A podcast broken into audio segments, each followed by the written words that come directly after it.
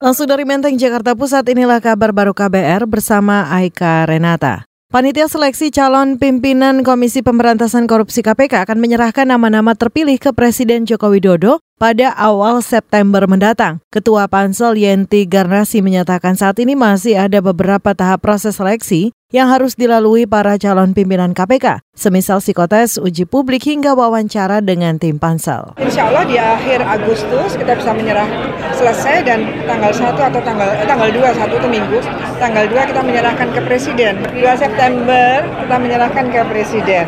Dari rundown seperti itu insya Allah tidak ada halangan, itu yang bisa kita lakukan. Ketua Pansel calon pimpinan KPK Yenti Garnasi menyatakan untuk psikotes rencananya dilaksanakan pada 28 Juli. Sesudah itu peserta akan semakin dipangkas jumlahnya pada tiap tes hingga akhirnya menjadi 10 orang. Hari ini saudara peserta seleksi calon pimpinan KPK mengikuti uji kompetensi di Pusdiklat Sekretariat Negara Jakarta. Mereka diminta menjawab pertanyaan pilihan ganda dan membuat makalah terkait permasalahan korupsi di Indonesia. Dari 192 peserta seleksi ada empat peserta yang tidak hadir sehingga langsung dinyatakan gugur.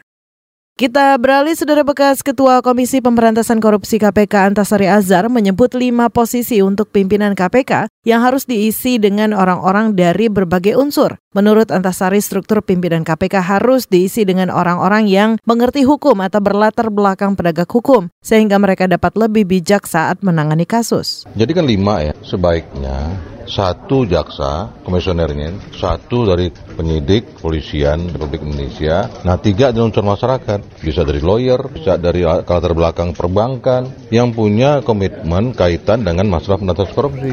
Bekas Ketua KPK Antasari Azhar menambahkan pimpinan KPK periode 2019-2023 harus kuat dan tidak boleh cengeng karena pimpinan KPK pasti akan menghadapi banyak resiko. Selain itu pimpinan KPK juga harus benar-benar mengerti tentang undang-undang tindak pidana korupsi. Kita ke satu soal lainnya, Saudara Koalisi Masyarakat Sipil untuk Pemerintahan Bersih mengusulkan agar partai politik dalam mengajukan nama-nama calon menteri kepada Presiden dilakukan secara terbuka. Direktur Diksi Indonesia Bastian Salang menyatakan dengan mengajukan nama calon menteri secara terbuka, masyarakat dapat terlibat dalam proses seleksi sehingga menghasilkan nama yang teruji. Idealnya partai-partai politik itu memajukan calon-calon menterinya kepada uh, presiden dan disampaikan secara terbuka. Publik juga dilibatkan di situ. Publik nanti akan memberi penilaian.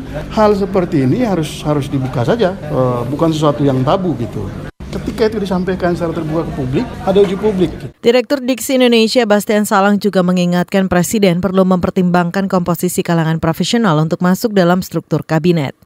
Kita ke Jawa Tengah, saudara sebagian masyarakat di pedesaan di Banyumas hari ini menggelar acara rutin sedekah bumi di bulan Apit atau Apitan. Warga desa Cingebul, Kecamatan Lumbir termasuk yang melakukan Apitan. Kesedekah bumi di desa Cingebul, Hoirul Anam menjatakan bahwa Apitan merupakan tradisi leluhur sebagai ucapan syukur kepada Tuhan yang telah memberikan rezeki hasil dan ternak. Ya, dari awal potong kambing, rumah setelah gue warga datang kan, terus dibagi-bagi menjelang rampung pembagian acara tahlil mulai. Setelah rampung tahlil ya acara ramadan rutin per tahun bulan apit. Hmm, kita mensyukurilah bahwa kita hidup terutama yang nang bumi lah ya kita.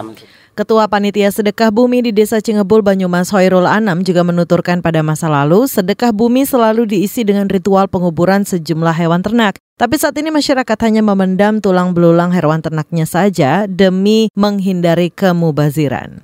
Demikian kabar baru dari kantor Berita Radio KBR, saya Aika Renata.